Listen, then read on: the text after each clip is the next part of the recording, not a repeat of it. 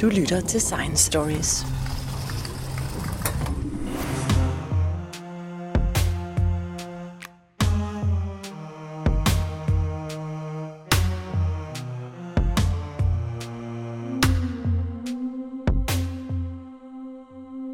Jeg hedder Henrik Pretorius. Jeg er videnskabsjournalist øh, og har været det en del øh, år og blevet bedt om at interviewe dig i aften, eller få dig til at snakke, hvilket jeg tror bliver forholdsvis nemt. det, det plejer ikke at være mit Hvad problem. Det?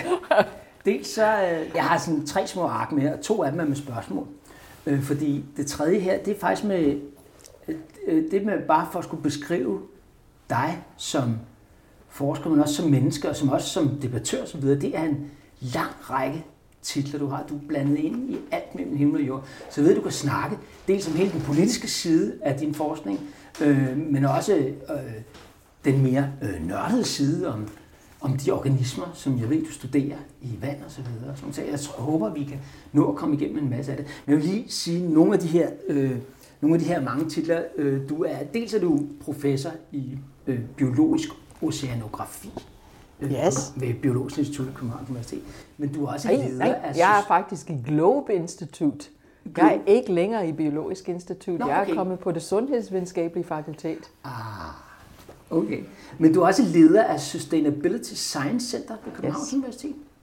Du er tidligere formand for regeringens klimakommission 2008-2010. Du er medlem siden 2015 af Danmarks Klimaråd. Du er medlem af et ekspertpanel nedsat af FN's generalsekretær Global Sustainable Development Report for 2019 har du været med til at udforme det Du forsker ved Center for Makroøkologi, Evolution og Klima, og hvor du studerer biokemiske processer i havets overflade og deres kobling til klima. Yes. Og så videre, og listen fortsætter.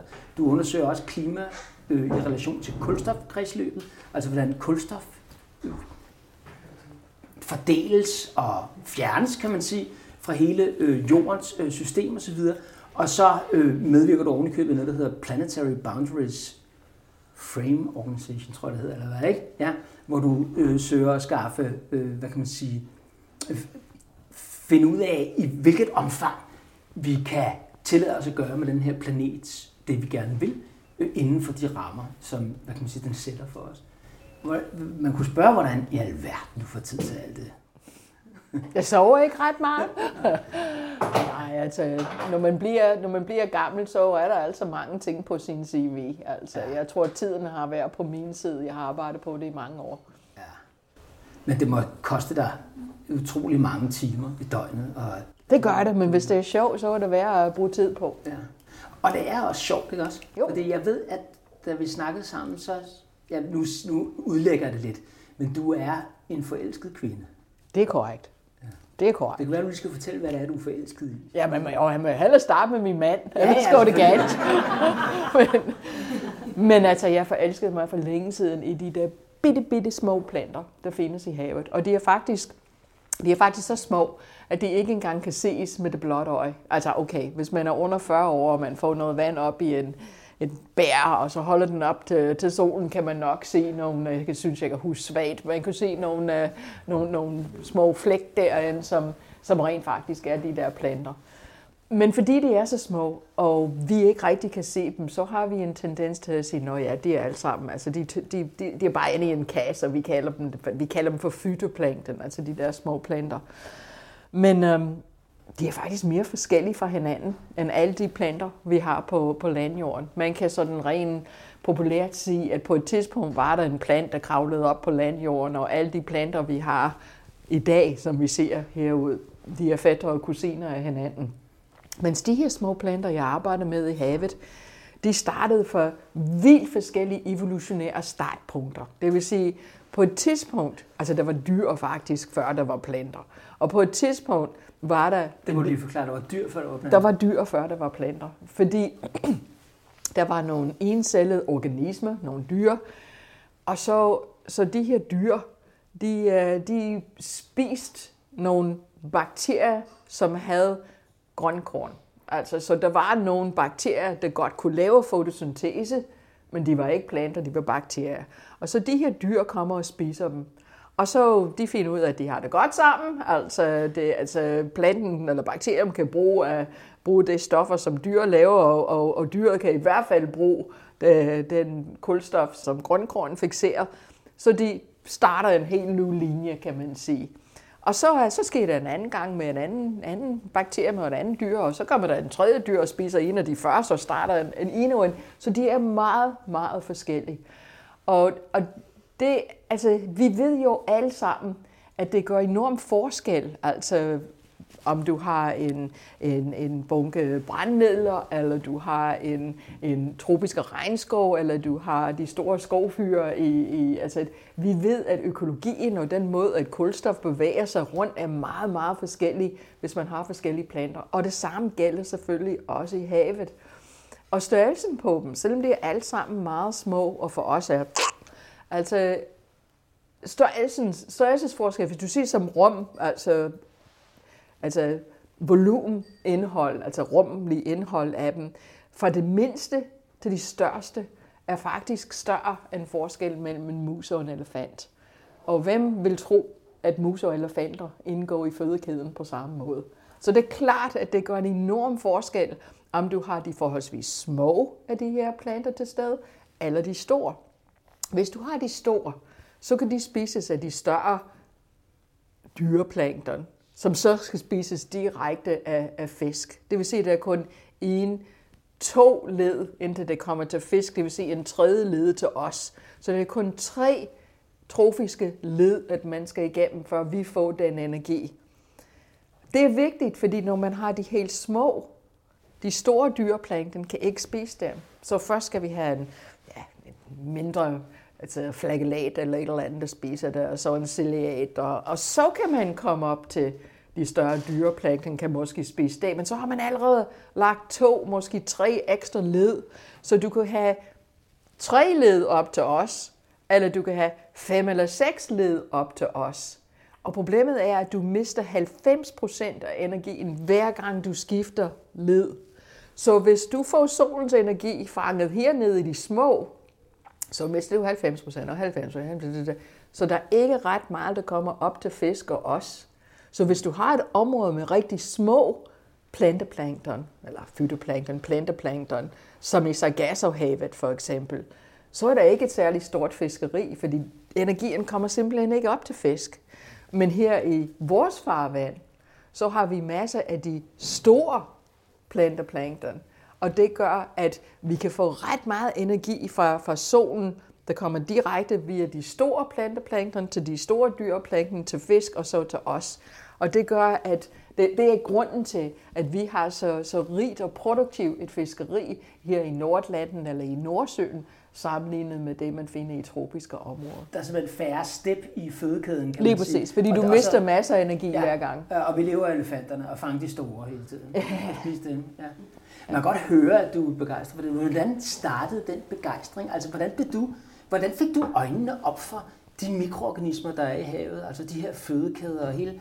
Hvordan, Som med de fleste andre ting ved det rene tilfælde. Altså, altså min oldefar og min tip-tip oldefædre var alle sammen skibskaptajner. Mine bedsteforældre boede ved, ved, ved havet, og um, vi kom hver sommer og besøgte mine bedsteforældre, og min far sagde, at uh, han, vi, henne, vi er i Maine, vi er i den østkyst, altså nord, længst nord, nordpå i den øst, USA. østkyst i USA. Ja.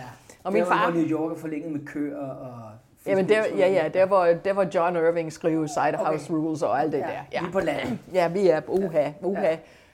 Staten er dobbelt så stor som Danmark, men havde ikke engang en million indbyggere, da jeg boede der. Okay. Så det er altså, der er træer, der er fisk, og der er fisk, og der er træer. Okay. men øh, men øh, jeg elskede at være ja. på havet. Altså, ja. jeg elskede at være i, på eller i nærheden af havet. Ja. Og så var jeg, altså, ja, som barn, altså, der var nogle af øh, altså de der piger, jeg gik rundt med, og, og folk spurgte, hvad skal du være, når du bliver voksen? Og de sagde alle sammen dyrelag. Men det var en ting, jeg var sikker på, at jeg ikke skulle være, ja. det var dyrelag. Så da de kom til mig, så tænkte jeg, gud, jeg skal være havbiolog. altså, uden rigtig at vide, hvad, hvad havbiologi var for noget. Og heldigvis havde jeg en, øhm, nogle forældre, og ikke mindst en mor, som, som aldrig fortalte en pige, at, øh, at det var faktisk ikke noget, som piger gjorde. At det gjorde, gjorde piger ikke dengang. Altså, ja, min sto- store drøm i livet er stadig at komme til Antarktis, men da jeg læste Ph.D. i England, så sendte englænder, de sendte mænd til, til Antarktis, men ikke kvinder. De sendte dog ikke alkohol. I USA, de sendte um, Nej, i England sendte de mænd og alkohol, og i, i USA sendte de mænd og kvinder og ingen alkohol. Ja. Og de havde nogle vældige fester, da de kom ja, med. Men jeg nåede ikke komme med, fordi Nå, jeg var kvinde. Ja. Men det lange og korte af det her er, at så begyndte jeg at sige, at jeg ville være havbiolog. Ja. Og da jeg kom på Harvard, så begyndte jeg at være lidt bekymret, fordi nu havde jeg i måske otte år sagt, at jeg ville være havbiolog, jeg ville være havbiolog, og der var andre ting, der var interessant, og jeg lavede en dobbelt major i statskundskab og biologi, og var, uh, det kunne lige så godt være jura, altså, fordi altså, at have rettighed til, til havet, det var, det var også noget, som kunne være interessant. Og det var jo i 70'erne, hvor det var altså, law of the sea og alt det der, der var ved at komme. Nå. Hvad var det? Ser du lov altså, lov, altså loven omkring. Altså, Nå, om, lov, ja. Ja, ja. lov. og, og så, så søgte jeg faktisk ind til både både at læse videre inden for, for, for biologi og for at læse jura, da jeg var færdig på Harvard. Jeg endte øjensynlig ved at være forsker. Det er en anden historie. Men da jeg kom på Harvard og var begyndt på alt det her, samtidig var der en orkan. En orkan? En orkan. Hurricane Carrie. Okay. Ja. Og den, den de tror, det, var, det er derfor, at den med, i forbindelse med den vind, så kom der nogle sediment for, for bunden af havet blev skyllet op langs kysten der i Maine, hvor jeg kom fra. Og ind i den, den sediment, så var der nogle giftige algespor. Ja. Og så de vågnede op, da de kom ind på lavvand og kom op, og så for første gang i altså i mange, mange år. Altså, altså, det er sikkert sket, da indianerne var der, men altså i så længe, altså det samfund, jeg var en del af, kunne huske, havde det aldrig været giftige opblomstringer.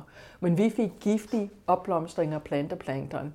Og så giftige, altså hvis man spiste af de muslinger, eller, eller um, ja, de sandmuslinger, som vi spiser derovre, hvis man spiser dem, så dør man. Okay. Og det var jo, altså når, når staten lever af fiskeri, det der med at få, at man ikke kan sælge sine produkter på grund af den her giftige alge, det gjorde den altså rigtig, rigtig interessant for mig. Så jeg begyndte at studere det, uh, mens jeg var på Harvard, og, og egentlig lavede min, min bachelorafhandling på den. Jeg opdagede endda, at den har sex. altså, hvad, det, hvad opdagede du, siger du? At den har sex. altså, Algen? Ja, ja, ja, ja. Altså, den har kønnet formering? Yes, Nå, okay. lige præcis. Ja, men, det, men, men, men lyder det ikke bedre, at den har sex? Jo, den har kønnet formering, hvis ja. du vil gøre det så venskabeligt, Nå, ja, som du vil. Ja. Jeg begynder straks tænke på, hvordan den ene alge så kommer oven på den anden alge. Jamen, det, det kan... Nej, altså. kan man så øh, selvfølgelig spekulere længe over. Men, men, er det ikke så svært? nej, nej, nej. Ja, det behøver vi ikke gå Nej, nej. men jeg tænker, men det der egentlig slår mig her, det er, at, at så selvom du egentlig er biolog og havbiolog, og din, og din indgang af dine studier osv., af biologi osv., så, så er det med samfundsrelevans fra starten. Og ja. det er det, der ligesom tænder dig, det er, at tingene har betydning for vores verden og vores liv og vores økonomi og vores øh, tilværelse. Jamen altså, jeg ved ikke, om jeg tænker på det på den måde, men jeg kan virkelig godt lide mennesker. Ja. Og jeg kan virkelig godt lide at være, være øh, sammen med andre mennesker, og, og altså, jeg, har, jeg har tit været i situationer, hvor jeg er blevet Altså, jeg er blevet nomineret til at være i en eller anden international gruppe, og mine kolleger har sagt til mig, jamen, øh, altså, hvorfor, altså, du, hvis du bare bliver hjemme i laboratoriet, kunne du skrive en paper mere? Ja, men jeg vil altså lære de der mennesker at kende. Ja. Og, um, og det, det tror jeg, det, det har været mere end en bevidst, at, øh, at øh, nu skal jeg altså gøre noget, der er samfundsmæssigt relevant. Jeg synes, det har været meget mere et spørgsmål om øh, at lære spændende mennesker med andre interesser at kende. Jeg kan huske en gang, jeg var mm. formand for, for karakterkommissionen i Danmark, og folk sagde, men hvor, at, hvordan kan det være, at, at, at jeg siger, ved du hvad, hvornår vil jeg ellers komme i kontakt med ham, der, den daværende øhm, rektor på musikkonservatoriet. Super spændende mand, okay. som egentlig ikke ville have været inde i min omgangskreds overhovedet, hvis jeg ikke var kommet i det. Så jeg tror, det er mennesker. Ja, okay, ja. Så det, det skal være relevant for mennesker også. Ja. Men alligevel så nørder du med de her små alger, de her små Yes. organismer, de her, du kaldte dem dyr, der havde øh, planter i sig og så videre. Altså der er noget, grænserne mellem dyr og planter er ikke de samme, som vi er vant til på landet. Ved du hvad? Vi, jeg tror, vi har, vi har misforstået de, de fundamentale biologiske regler, fordi vi har lært dem fra at kigge ud af vinduet og se på den, den uh, biologi, vi har omkring os. Og i virkeligheden, den biologi, vi har omkring os, de, har, de startede, livet startede i havet, så alt det, vi siger omkring os, det er en tilpasning til ikke at være i vand. Og jeg tror, Forklar, hvad det, du mener? Jamen, i vandet, de her små planterplankton, som jeg elsker, hovedparten af dem er ikke ren planter. Altså, de har, de har grønkorn, så de kan godt bruge solens energi og, og lave sukkerstoffer. Men de kan også tage stoffet ud fra vandet omkring dem. De kan leve som et dyr. Nogle af dem kan der altså angribe andre dyr. Altså, der er en fantastisk historie om nogen, som rotter sig sammen og egentlig arbejder som flok og angriber dyr, der er meget, meget større end de er. Og når de angriber til sammen og, og, og sætter giftstof ind, altså når der er nok af dem, så kan de faktisk larme det her dyr, som er ma- mange, mange, mange gange større, større end, Og end mange gange større. Er det en fisk, eller er vi, er vi nede i sådan en vandloppe? Eller hvor vi Jamen, vi, vi er vandlop nu. Ah, okay, vi er ved vandlop. ja, ja. Jamen, er du klar over, hvor små mine venner er? Nej, nej, nej. Ja, jamen, altså, det er... Jeg begynder at altså, forstå det. Størrelsesforskel er enorm. Det vil Ja, ja, ja. altså nærmest... Kæmpe. Ja, ja. Det, altså, Ja. og, og, så så de, de kan være både planter og dyr, og det tror jeg er en... Altså lidt ligesom hvis vi havde, hvad kan man sige, var grønne og kunne gå ud i solen, hvis vi var sultne. Lige præcis. Og så skulle holde os i skyggen, hvis vi Men om vinteren, når solen ikke kommer frem, så kunne vi altid spise. Så- ja, altså, vi- lige ja, præcis. Det vil være meget smart. Ja. Men det tror jeg sker, fordi hvis man er en organisme i vand, så kommer vand, vand bringer ressourcer hele tiden til en. Altså Ja. den bringer noget, noget oplyst organisk stof, noget sukkerstof, noget, altså andre dyr, der kan... Og du kan sagtens også blive skyllet væk fra, fra, fra, fra solen, så du kommer altså for langt ned, blandet ned i vandet, hvor der ikke er sol. Så du kan ikke bruge det. Du kan ikke regne med, at du altid kan lave fotosyntese. Så det er du død smart at kunne både fungere som en plant og som et dyr. Hvis man kan blive skyllet væk, giver det måske også mening for en plante at kunne, hvad kan man sige, svømme tilbage. Jo, jo. Og så videre, jo, så- jo, men altså flere af dem har, ikke dem alle sammen, men mange af dem har netop flageller og kan Ja. ja. godt bevæge sig i, Ja. ja. i vandet, i hvert fald i en, en, en stille vandsøjle. Men når du kom op på landjorden, Ja. så skulle du finde en måde at få fat i vand. Hvor er vand? Vand er altså langt derned, hvor det er mørkt. Hmm. Så laver man rødder, Ja. og så skal du være ret stor Ja. ja. til at være, fordi så skal du altså have din, din, øh, din blad heroppe fra fabrikken, hvor du kan lave Kapløber må fotosyntese. komme op i toppen også. Lige præcis, og så skal du være, altså, så, så når vi kigger ud af vinduet Ja, ja. her, ja. og det første natur, vi siger, er et træ eller en plant, det er kæmpe stor. Men i havet, altså du tænker tang, glem tang, det laver måske højst 5% af den fotosyntese, der finder sted i havet. Resten sker hos mine bitte små planter der. Okay, ja. Og hvis du var så stor som et træ, så ville du synke ud. Det skulle du aldrig gøre.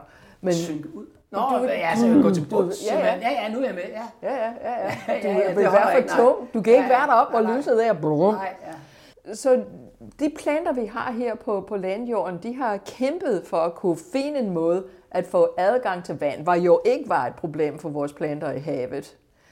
Og så har de ydermere den begrænsning, at de har kun luft omkring sig, og luft er ikke nogen garanti for, at der kommer svømmende nogle, nogle sukkerstoffer eller noget, altså affaldsprodukter fra en, altså de, når fugle, når fugle er færdige med deres fordøjelse, så falder Ja. det plat. Ja, Men altså, ja. når en, når en vale eller en fisk er færdige med deres fordøjelse, så blup, blandes det ud i, i vandet og, og kommer til de organismer, der er der.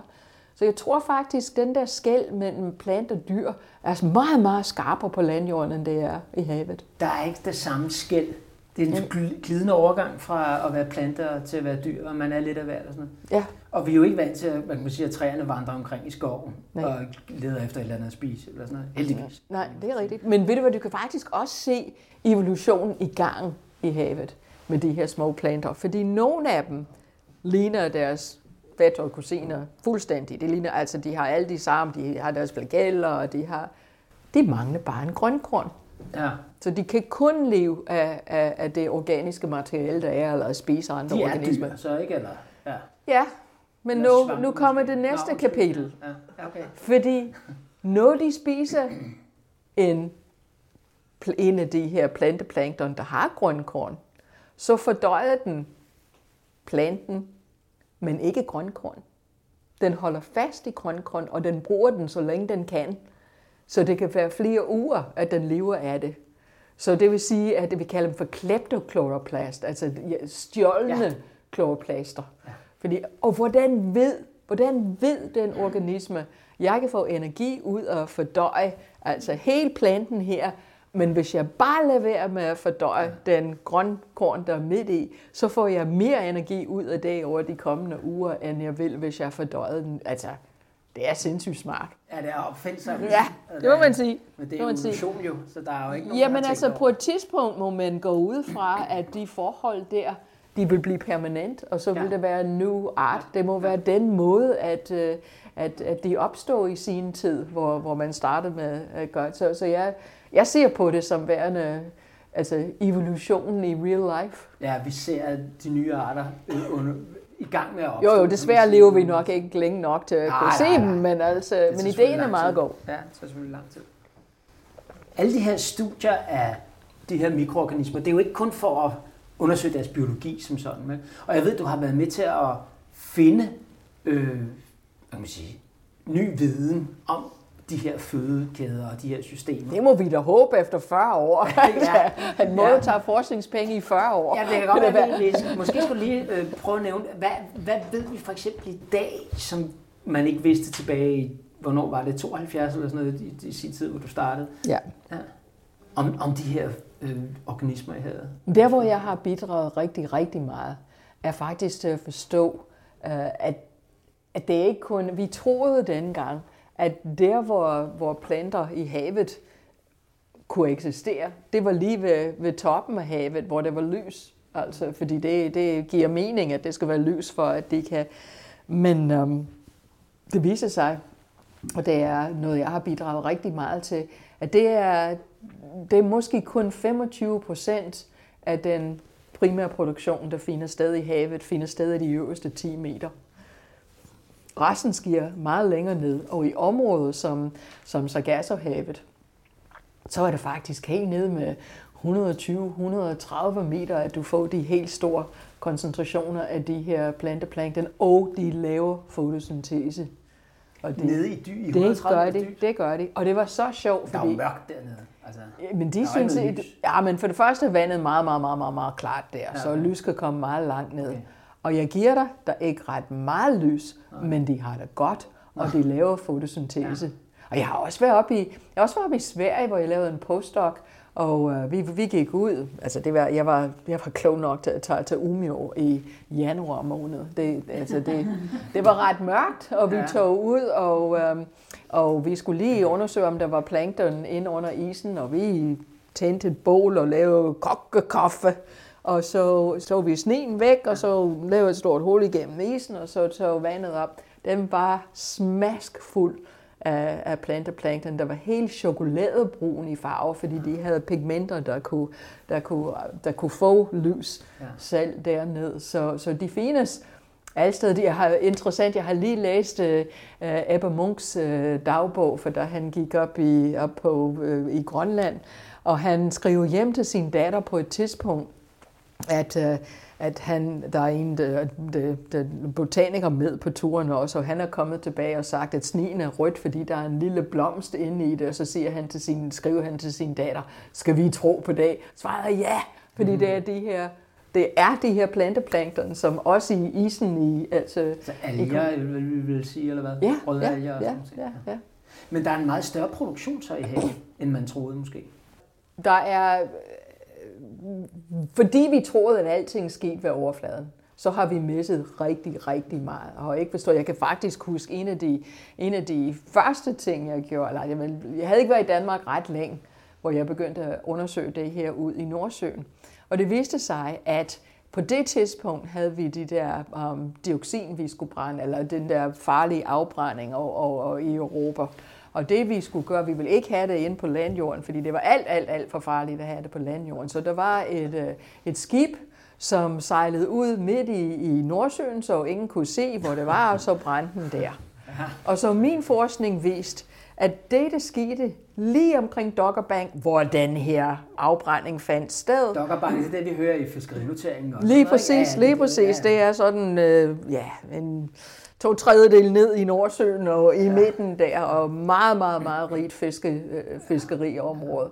Og den er et meget rigt fiskeriområde, fordi når tidvand, altså, hver, altså, hver, ah, altså to gange om måneden, at den går frem og tilbage, og når den går frem og tilbage, den pumper faktisk næringssal, altså næring op fra bundvandet nord for Dokkerbank. det dyr, dem pumper den op, og den lærer den ind mellem overfladen og bund, og så, så du får en masse, du får en ah. opblomstring af planteplankton hver, øh, hver, hver anden uge i ja, det her, når du får den her. Der hver anden uge. Lige præcis. Ja. Og det er de moderfisk smart nok til at regne ud. Ja. Så de ligger deres æg der, fordi ja. de ved, at hvis, hvis der ikke er noget her nu, så er det, når, når mine børn klækker. Ja. Så det er derfor, det er så rigt et, et, et fiskeriområde. Du har alle babyfisk og så videre.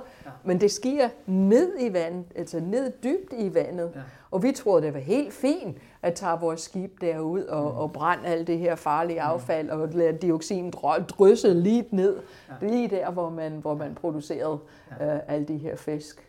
Men det er den type ting, jeg har arbejdet med at forstå. Hvorfor er visse områder rigtig produktive i forhold til fiskeri, og andre områder ikke så, så, så produktive. Ja. Men, men så voksede den lidt for fisk.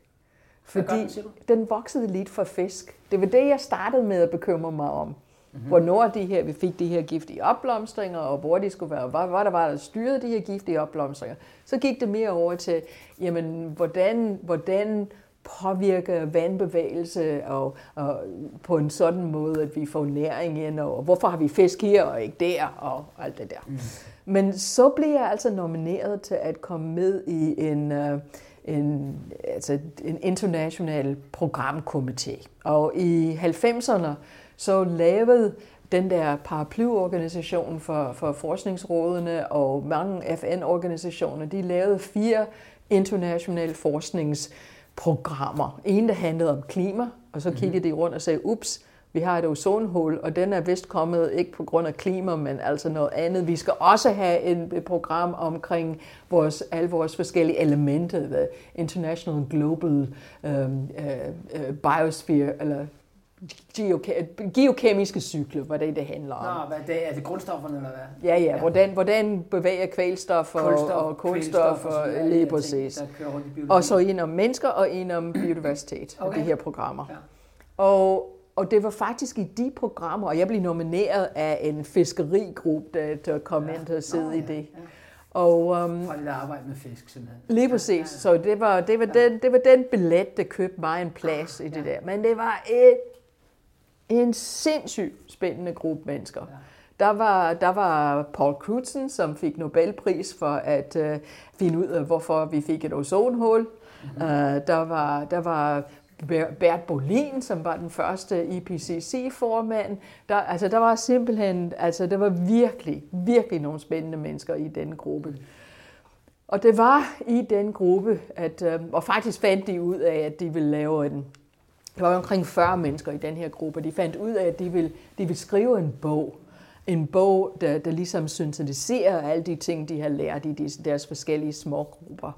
Og um, formanden, eller ja, direktøren kom ind og, og kom med et forslag til, hvem på hovedkomité der skulle være med i skrivekomité. Og han kom med sine otte navn, og vi var kun to kvinder i de 40 mennesker der. Og den mhm. anden kvinde, jeg kiggede på en anden, vi synes, der manglede noget på din liste. ja. Så vi begge to kom med som okay. medforfatter. Ja. Og det var i forbindelse med skrivning af den bog, at, ja. at, at, øh, at hold op. Det var der, hvor jeg pludselig indså, hvordan min fytoplankton, min planteplankton var så vigtig i hele jordens kredsløb, og, ja. og at faktisk deres fotosyntese, eller mangel deraf, ja. altså var med til at styre at gå fra isalder til ikke isalder, fordi... Lad os snakke om det, fordi du forstår, du begynder at forstå, hvordan de her mikroorganismer i havet, de indvirker i hele jordsystemet, kan man sige. I hele, i gamle dage vil man sige Gaia, ikke? altså sådan en levende planet nærmest, men at tingene er koblet sammen på en måde, og at klimaet er afhængigt af mikroorganismen, som igen er afhængig af klima osv., og, og at der er et hav af andre øh, ting, der byder ind i det. Hvordan, hæng, hvordan ser det ud? Hvad er de, hvad er de sammenhænge der? Hvordan, øh, Jamen altså, først har jeg lyst til at sige, at, at vi har haft et problem i videnskab, fordi vi, vi kigger i vores egen lille kasse. Så vi har haft i forhold til kulstof i havet, vi har haft en hel samfund af forskere, der kigger på den kulstof, der kommer ind og går i fisk, og alt det andet, der ikke går, eller det kulstof, der går ind i, ind i fisk, og alt det andet kulstof, det interesserer sig, de sig overhovedet ikke for. Og så havde de at en anden samfund, der interesserer sig for alt det kulstof, der kommer ind i havet, og blive fixeret af de der planteplankton. Men de er jo bare blevet forelsket i den Na, der type kulstof. Og sådan, jo, ikke? men altså, alt det, der gik i fisk, det var de ikke interesseret i. Det var alt ja, resten. Ja, ja, ja. Så det var et spørgsmål om Meget at prøve... Meget fokuseret forskning, Ja, jamen, så det var et spørgsmål om at sige, hov, hvad så hvis vi tager begge, altså sætter det helt sammen og se, hvad der sker med det der kulstof. Og det er der, hvor det bliver rigtig interessant, fordi det var ikke mig, der fandt ud af det, men det var lige omkring det her tidspunkt i, i, i forskningshistorie, at det gik op for folk, at i, i, mellem isalder og ikke isalder, så er der forskellige... Øh, øh, øh, Mellemisttider? Jamen altså, jeg tænker på tørhedsgrad af ah, luften. Ah, okay. Og når, når luften er meget, meget tør, så, kommer der, så kan der komme øh, øh, støv, øh, vind, som, som blæser den ind over havet. Og med det støv, for Afrika i hvert fald, dem der har kørt i Afrika ved, at jorden er ofte rød, så kommer det jern. Ja. Og jern er begrænsende for planteplankton vækst og fotosyntese i store dele af havet. Altså det, det, det mangler, altså det, det er et næringsstof, yes. som... Det mangler, ja, og, det, og, og så hvis du giver den... Det er til at give hvis, du giver, ja, hvis du giver dem mere jern, mm. så altså får du mere planteproduktion. Ja. Og det gør, at den altså at de trækker CO2 ud af vandet. Ja. Og det ændrer, ændrer partialtrykket CO2 i vandet, som gør, at den suger mere CO2 ud af luften. Partialtrykket, det er simpelthen det der med, at ja, men hvis du det har, der med, når man tager proppen med sodavand, så bobler det af, fordi ja, men, indtil trykket er udlignet mellem luft og vand. Ikke? Ja, ja. Og det, det. Pointen er, at hvis, hvis, hvis planerne tager CO2 ud af vand, så, så kommer der CO2 ind, og det kommer fra luften. Lige præcis. Og man havde faktisk regnet ud, at de her planteplankton og ændringer i deres fotosyntese kan være nok til at, at i hvert fald, måske ikke det hele, men var et stort bidragsøder til at gå fra istider til ikke-istider. Så pludselig, de her planteplankton, som ingen synes var interessant, de blev først set, faktisk den allerførst blev set af Von Leeuwenhoek selv, da han havde lavet sin øh, mikroskop. Han sendte sin, sin uh, tjener ned til vandet med kom tilbage med en flaske. Og han, Høg, det, det kan være, at vi skal forklare lidt mere, hvem det er. Det var ham manden, der, han var manden, der opfandt mikroskop. Ja, okay. Det er en hollander, der opfandt okay. en mikroskop. Og det var, blup, og jeg kan ikke ja, huske årstal, men det var lang tid siden. Og han sendte, sin, han sendte sin tjener ned, og han kom tilbage, og så, huha, og det var de her, alle de her kurioser, der, der svømmede rundt i, i, men ingen troede de overhovedet kunne være vigtige på nogen som helst måde.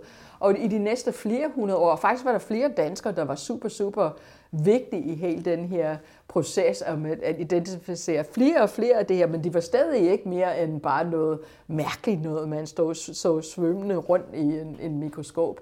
Det var faktisk ikke før øh, sidste halvdel af 1800-tallet, og jeg, jeg elsker at sige, at det er faktisk danskernes skyld, men, men måske var det ikke helt, men næsten. Fordi der var en professor i Kiel, og dengang var professor lige med Gud. Det er de desværre ikke mere. Nå, men der var kun en af slagsen, og de kunne gøre lige præcis, hvad de vil med deres, med deres stilling. Men professoratet i fysiologi, som er en lægelig øh, profession på Kiel Universitet, var dansker. Og i 1860'erne, så fandt han ud af, at det var måske ikke så smart at blive i Tyskland, at det, det træk ikke så godt op. Så han, øh, han kom hjem til Danmark. Han hed Peter Panum, så det er derfor, vi har et Panum-institut. Men det efterlå et, øh, et ledigt professorat. Og den mand, der fik det, hed Victor Hansen. Mm-hmm. Og han var en meget, meget dygtig lag. Han havde masser af publikationer som lag, og du har en dugt i dit øre, der hedder Hensens dugt, og det er opkaldt efter ham og alt det der. Men han var også meget... Um, altså, han, han ville sit hjemmeegn det godt. Mm. Han kom fra Slesvig-Holstein, mm. og det var et meget fattigt område, og meget afhængig af fiskeri. Og det der med, at, at fiskene kom og gik, det, det vil han virkelig for, gerne forstå. Hvorfor var der nogle år, der var rigtig, rigtig god, og andre år, der var rigtig, rigtig dårligt. Mm. Så han begyndte at studere det, og han overbeviste sig selv, at det var faktisk de der ting, som du næsten ikke kan se i vandet, der, der, der styrede det hele. Og han, han vidste ikke, hvad han skulle kalde dem, men den gode lag, som han var, han egentlig refererede til dem i sin skrivelse som havets blod. Det er kun en, det er kun en, øh, en, en fysiolog, der kunne finde på det. Altså, men han var godt klar over, at det der med havets blod, det gik altså ikke. Så han gik til en, øh, en øh, professor i sprog dernede i Kiel, og ham professor i, øh, i, i sprog opfandt navnet plankton. Og det er der, hvor plankton kommer fra. Så var de her, på det her tidspunkt, sidst i, sidst i um, 1800-tallet, så begyndte folk at indse, at ja, de kunne også være vigtige for fiskeri. Og helt ICES, International uh, Havforskningsråd, som, som, som ligger her i, uh, i, deres hovedsæde ligger her i København. For det startede i 1902, og det første, indtil efter 2. verdenskrig, hele deres arbejde blev fokuseret på at prøve at forstå det her forhold mellem de her små planter og fisk. Men de manglede en metode, de kunne måle dem med. Så, så de brugte al den der tid på det, og under krigen skete to ting. En, en dansker, Steven Nielsen, fandt ud af, at man kan godt bruge radioaktive stoffer, ikke kun til bomber i, i Hiroshima, men også i fredstid til et mål på plantens aktivitet. Fordi hvis du kan tage radioaktiv kulstof og tilsætte det, og så lade den stå et stykke tid i lyset, så filtrere dem, og så mål på, hvor meget radioaktivitet der er på filtre, ja. så ved du, hvor meget fotosyntese der er fundet sted. Ah, så kan man begynde at måle, Lige præcis. mængden af kulstof. Og det er den metode, det blev publiceret i ja. 52, der kom fra Galatea 2, og det er den metode, vi bruger i dag. Så man kan sige, yes, nu, efter krigen, nu kan vi godt endelig gøre det. Desværre gjorde krigen også det, at de britiske biologer kunne ikke komme ud og sejle. Og der, der var to ret dygtige nogen, som, som satte sig ned med en bluant og, og papir, og de fandt ud af, at man behøvede slet ikke at vide noget om de der planteplankter. Man kunne bare vide, hvor mange mor, moderfisk og hvor mange babyfisk der var, og så kan man altså lave et forhold. Så, man kan... så, så, så fiskeri var ikke interesseret i plankton mere efter, efter 50'erne. Men, men så kommer vi til den periode, som, som jeg sprang så abrupte fra, og det er der, hvor man begynder at se der i 90'erne, at, øh, at de er faktisk vigtige i regulering af, af CO2-koncentration i atmosfæren, og derved også i klimaudvikling. Og det er den retning, at, øh, at egentlig at min forskning er gået siden. Ja, fordi så nu er du i virkeligheden meget interesseret i, hvordan klodens tilstand er, og hvad, i hvert fald i første omgang, hvordan oceanernes tilstand er. Altså oceanerne reagerer på de her øgede mængder af CO2, vi hælder ud i atmosfæren. I den grad, i ja. den grad, fordi når du putter mere i, øh, i, i atmosfæren, mere CO2 i atmosfæren, så for de processer, vi snakkede om før, altså at det vil forsøge at komme i ligevægt med det i vandet, så kommer det automatisk, bliver det oplyst automatisk mere ned i vandet. Så skorstenen på fabrikken pumper den ikke kun ud i luften, den Nej, pumper det også ned i oceanerne? Havet har faktisk optaget mellem en tredjedel og halvdelen af den ekstra CO2, at vi har smidt ud i atmosfæren siden, uh, siden den industrielle revolution. Og det, der sker, det, der sker, når det kommer i havet, er, at når du putter CO2 ind i vand, så danner du kulsyre. Ja. Det er derfor, vi... At, det er det, der bobler i solvandet. Lige præcis, lige præcis. Og det er også derfor, at, øh, at øh, nogen får ved, når de tager til tandlæge, at de har syreskader på tænderne. Mm, altså, det er, for meget, det er for meget læsk at drikke med kulsyre i. Der er bare desværre rigtig mange organismer i havet. Vi taler koraller, vi taler kalkflagellater, der lavede Møns Klint, vi taler, taler um, muslinger og, og uh, hummer og rigtig mange organismer i havet, der danner kalk. Og kalk kan altså ikke lige syre. Og hvis du ikke tror på mig, så tager jeg hjem og tager nogle natron i aften og hælder noget eddikesyre på det og se, hvad der sker. Altså, det går fuldstændig i opløsning. Og vi kan faktisk se, at havets, altså syrehedsgrad i overfladen af havet, ja. har aldrig været større i de sidste 23 millioner år. Tak skal du have. Altså, I dag ja, der var ikke nogen mennesker til at måle det for 23 millioner år siden, men vi har nogle proxyer, så vi kan gå ind og se, hvad, hvad pH, eller den måde, vi måler på havets syrehed på, altså hvordan var over de sidste 23 millioner år. Og vi, vi, har, altså, vi har pumpet en halv gang, altså i forhold til hvor meget der var før industrialiseringen, eller 1880 tror jeg ikke, så vi pumpet en halv gang mere CO2 i atmosfæren. Er havets mængde af CO2 også steget med 50 procent? Altså, der cirka af det, der kommer ud i dag, cirka 50 procent af det bliver i atmosfæren. Cirka 25 procent kommer i havet, og cirka 25 procent bliver optaget af, af planter på jorden. Mm. Så, så der er, altså, det er, det er biologi, der egentlig er biologi og fysiske processer, selvfølgelig også er fysiske processer, der gør, at det kommer også i, i, i havet. Men, men ja, altså havet og den biologi, vi har her på, på landjorden, tager rigtig meget, har jo rigtig hjulpet os, så vi ikke har så store klimaforandringer nu, som vi egentlig burde have, hvis det hele bliver i atmosfæren. Og ved du hvad, det er det, det gør det så absurd, at, vores, øh, at vi regner med, at vores politikere kan tage til, til, til Paris og sige, okay, vi bestemmer, og vi bestemmer, at vi holder den under 2 grader, og det er lige præcis den knap, altså det er, det er kun det er alene vores emissioner, der styrer det her. Bare lidt flere elbiler skal det nok gå. Ja, ja. Men det er ikke alene vores, uh, vores uh, emissioner, fordi det er også biologi. Biologi altså, det biologi gør, det biologi udviklede sig til at gøre, er at udveksle øh, øh, gasser med, med atmosfæren, altså at flytte elementer rundt. Så, så vi skal også, også tage lidt, biologien lidt i æd, når, når vi siger, at vi gerne vil have, at det skulle være 2 grader varmere. Og vi tror, vi stopper det ved 2 grader. Men hvordan reagerer alle bakterier i, i havet, når det er 2 grader varmere? Jamen, de er mere aktive, de udgiver mere CO2. Ups. I kan se forandringerne ske nu? I kan ja, selvfølgelig. Se Ja, ja selvfølgelig. Ja. Og det du siger, det er altså, det er ikke kun, det er hele, hele, hele det biologiske system i havene er ved at ændre sig på grund af de her udledninger af CO2. Jamen det... Og de ændringer, de kommer til at virke tilbage i klimasystemet på en måde. Jamen vi får altså, det igen på en anden måde, og vi ved stadig ikke, hvordan. Jo, men vi har, vi har en rimelig god idé om, om, hvad der sker. Der sker først det, at, at bakterier bliver mere... Altså, jeg siger det på en anden måde. Biologi er enormt vigtig i forhold til kulstofkredsløb på jorden.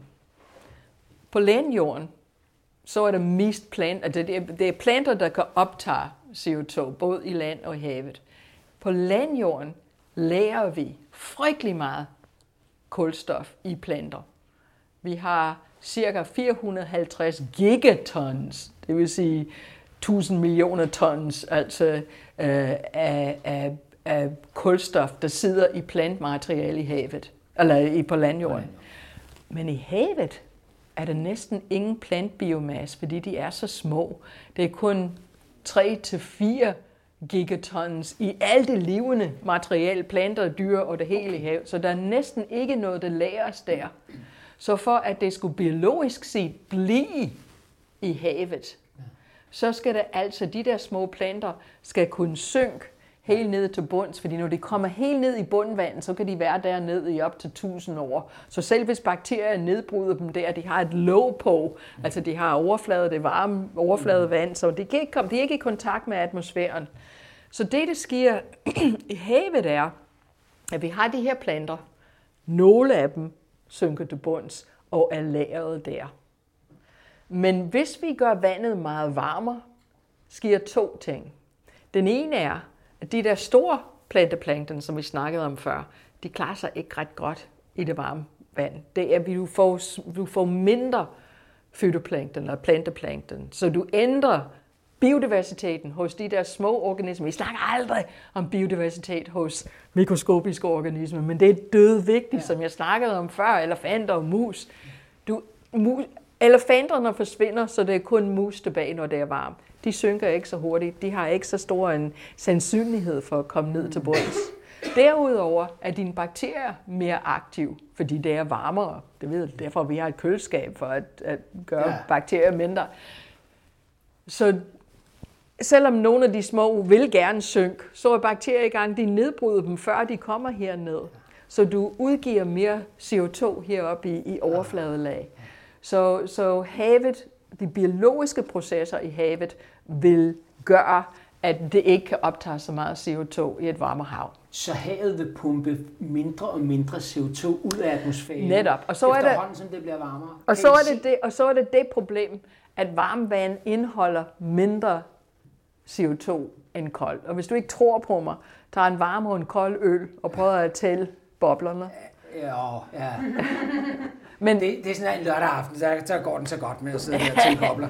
ja, men pointen er, at alt, altså alt, alt det, vi laver nu, ja. gør, at havet ja. vil være mindre god til at ja. tage CO2 ud af atmosfæren. Ja, så den, oceanerne har reddet vores røv en, en hel del indtil videre, men det kommer ikke til at gå i længden, og det bliver mindre og mindre hjælp, vi får derfra. Ja. De her ting kommer så til at indvirke igen i klimasystemet og så videre. Jeg ved, at øh, for, hvad var det, halvandet eller to år siden, eller sådan noget, var du med i et paper, der du kalder, jeg tror du kalder det trajectory paper, ja. som handler om, hvad for nogle veje netop hvad kan man sige, jordsystemet kan udvikle sig. Hvad for nogle stier det kan tage, og om det kan ende i nogle, hvad kan man sige, lykker, som, som er mere eller mindre heldige. Det vi gjorde med den Ja. Det vi gjorde med den paper er faktisk lige det, jeg lige har forklaret her. Ja. Hvis det er fint, at politikere tager og beslutter sig for, at nu skal jorden være 2 grader varmere end den præindustrielle, altså ud i fremtiden. Ja.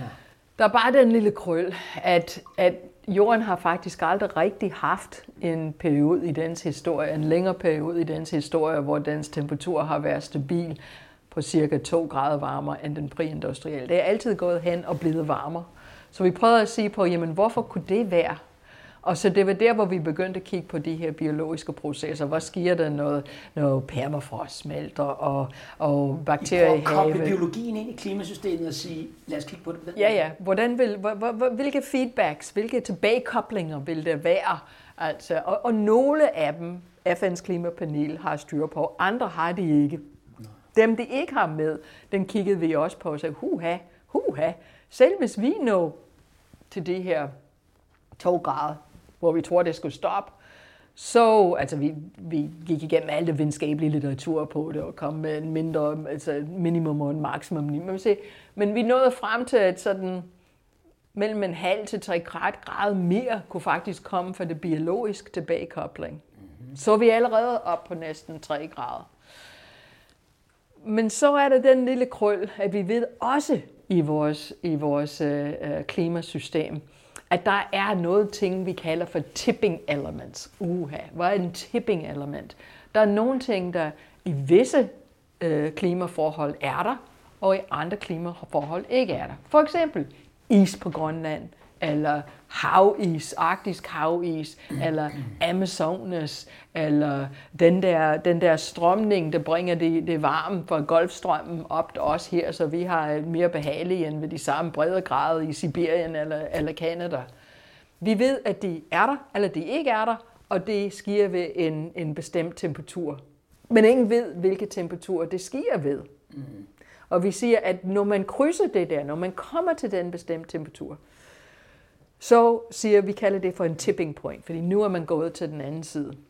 Og det vil at mærke ting, som ikke kommer igen, kan man sige. Altså, det vil ikke i, det, i vores... Ja, i vores ja, det kan godt være, at det kommer igen, men altså, ja. du skal ikke ligge vågen om natten og vente på det. Ja, lige præcis. Lige præcis. det, ja, det er ikke ja, så i vores tidsregning, så er det altså ikke noget... Ja. Det, det er noget, der er irreversibelt. Og det er nogen, som måske også har betydning for, hvordan klimasystemet udvikler sig siden her. Og, og du kan, du, så det er ting, man kan sige, vil være kostbart at miste.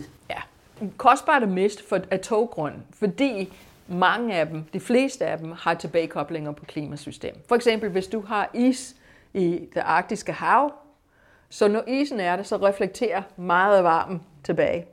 Tager den væk, så kommer den varme ind i havet, og det bliver her, og den bidrager til global opvarmning. Så den forstærker hele, hele, den, det, altså hele problemstilling, eller hele den opvarmningsproblematik. Og så, så kiggede vi, så, så Altså, der er, det viser sig, at der er fem af de her tipping points, som mm. selv hvis vi overholder Paris-aftalen, og der er absolut intet, der tyder på, at vi vil. Altså, altså Paris-aftalen siger mellem halvanden og to grader, og som vi kører nu, er det godt over tre. Altså, så der, altså, og, og den rapport, der kom i sidste uge, siger, at vi skal have en, en uh, på global plan, så skal vi have en 55 procents øh, um, reduktion i vores emissioner inden 2030. Ja, ved du hvad? Ja. ja, ja, men ved du hvad, at, at, at, at vi synes, vi er så gode i Danmark, men den 55 procent, den er fra, fra nu af, og vores 70 procents målsætning er på, at det vil give os 56 procent. Ja, det, så det, det er lige præcis det. Hvad der sker, i hvert fald. Nej, nej, men altså, men selv hvis vi overholder, ja.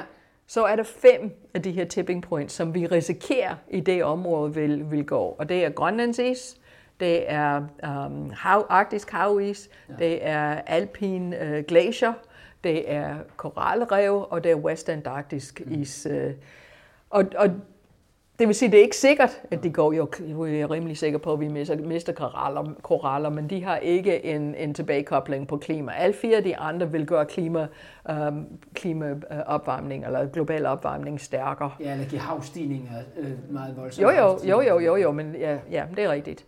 Um, så, så vi risikerer, hvis vi kommer i Paris, at vi men det giver mere varmning, opvarmning, så det gør, at vi risikerer at ramme en helt næste niveau af de her tipping points, ja. som er det, der bringer varmen op til os fra ja. Golfstrømmen og alt det der. Mm. Og, og det interessante er, og vi havde en paper ude i Nature i sidste uge, eller en commentary i sidste uge. Netop om tipping points. Ja. Netop, hvor vi, ja. hvor vi gør opmærksom på to ting. Den ene er, at da, da man først indså, at de her tipping points var der, og mm. FN's klimapanel skrev om dem i 2001, så sagde de, ak, vi skal have 5 graders opvarmning, før vi kan, skal bekymre os om dem. Og med deres næste rapport i 2007, så sagde de 3 grader. Og med deres næste rapport, ja. altså, så kom det endnu længere ned, og ved deres sidste rapporter her, så har de sagt mellem 1 til 2 grader, så risikerer vi. Så, så, så de, risikerer vi, men, men der er i bund og grund er der ingen, der ved det, vel? Det er korrekt. Der ved, hvor det er de her korrekt. grænser ligger, men hvornår vi mister det ene, og hvornår vi mister det andet. Fuldkommen rigtigt, men, men det er her et risikoproblem. Ja. Og det, vi, vi, det ja. vi prøver at gøre at sige, er, at hvis du bruger forsikringsterminologi på det. Når ja. forsikringer kigger på, på noget, der siger, okay, der er noget, der har en katastrofal hændelse, altså en betydning, men der er lang tid indtil det kommer. Så altså, altså, man skal bare sørge for, at ens reaction time, altså den tid, man har at, at reagere, er kortere end den tid, der er til, at man kommer dertil. Problemet er, at i bedste fald, så kan vi få jordens øh, øh, øh netto, eller menneskernes netto CO2-udledning ned på nul. I bedste fald vil det tage 30 år. Og hvis vi allerede er op over nogle af de her tipping points, ja. Ja. eller de kan komme indenfor, så kan det betyde, at vi har mistet styring på det her allerede nu. Og, og alt andet lige, selv hvis vi har krydset tipping points, så kan det betale sig at prøve at, at holde, holde, holde vores emissioner ned, fordi det giver os mere tid at løbe på. Det kan godt være, at altså, der er nogen, der siger, ved 2 grader for eksempel, at der er ikke noget håb for Grønlands is. Men det vil tage tusindvis af år, for at den er smelt.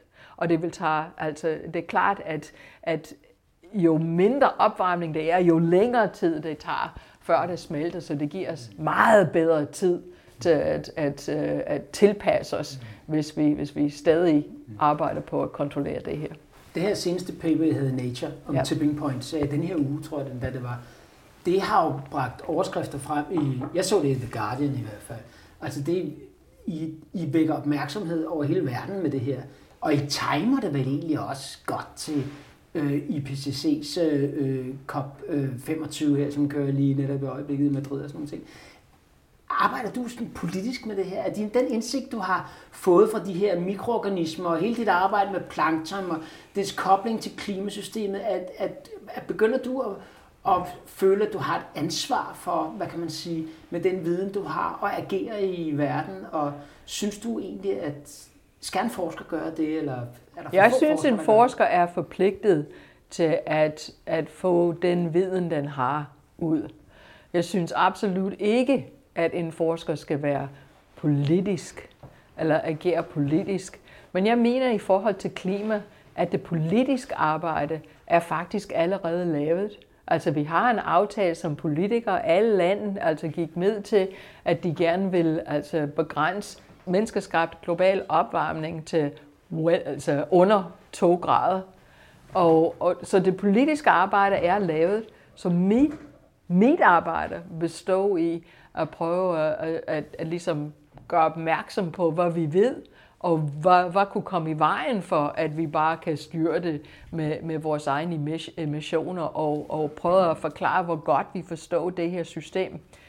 Så snakker du om det der med timing, og den er faktisk rigtig interessant. Ja, vi rammer jo lige... Altså, Jamen ved du hvad, det gjorde lige- vi ikke. Nå, Vi havde, det, vi havde sendt den paper til Nature for, jeg tror det var et halvt år siden. altså det er Nature, der har tegnet det, eller hvad? Ja. Men det synes jeg også er interessant i sig selv, at øh, når man synes, altså, som, som en videnskabelig tidsskrift, at man har, man behandler nogle emner, der er relevant for, for, um, for, for det, den globale diskussion, at den, den kommer med de budskaber på det tidspunkt. Det er ikke første gang, at vi har set den slags sammentræf, og det bliver næppe den sidste, men jeg er ikke sikker på, at jeg synes, det er forkert. Altså, det er, det er ingen tvivl om, at, at nyhed, um, altså, folk glemmer nyheder ret hurtigt, så, så måske er det meget smart at komme med en nyhed, der er relevant for den diskussion, der er i gang på et, et givende tidspunkt. Men for mig at sige, at det med at komme med, med, med information eller viden omkring klima og de risici, som man, som man løber med, med klimaudvikling, er ikke en politisk uh, hændelse. Altså, det, er, eller, altså, det er ikke politisk motiveret. Det er et forsøg på, som vi var tilbage til de der algeopblomstringer, det er et forsøg på at finde viden, der kan bruges i en, en, en meget aktuel samfundsmæssig udfordring. Cool. Jeg tror, at øh, vi er, har brugt en time her øh, på det her, så det var det. Så, så sluttede vi på det.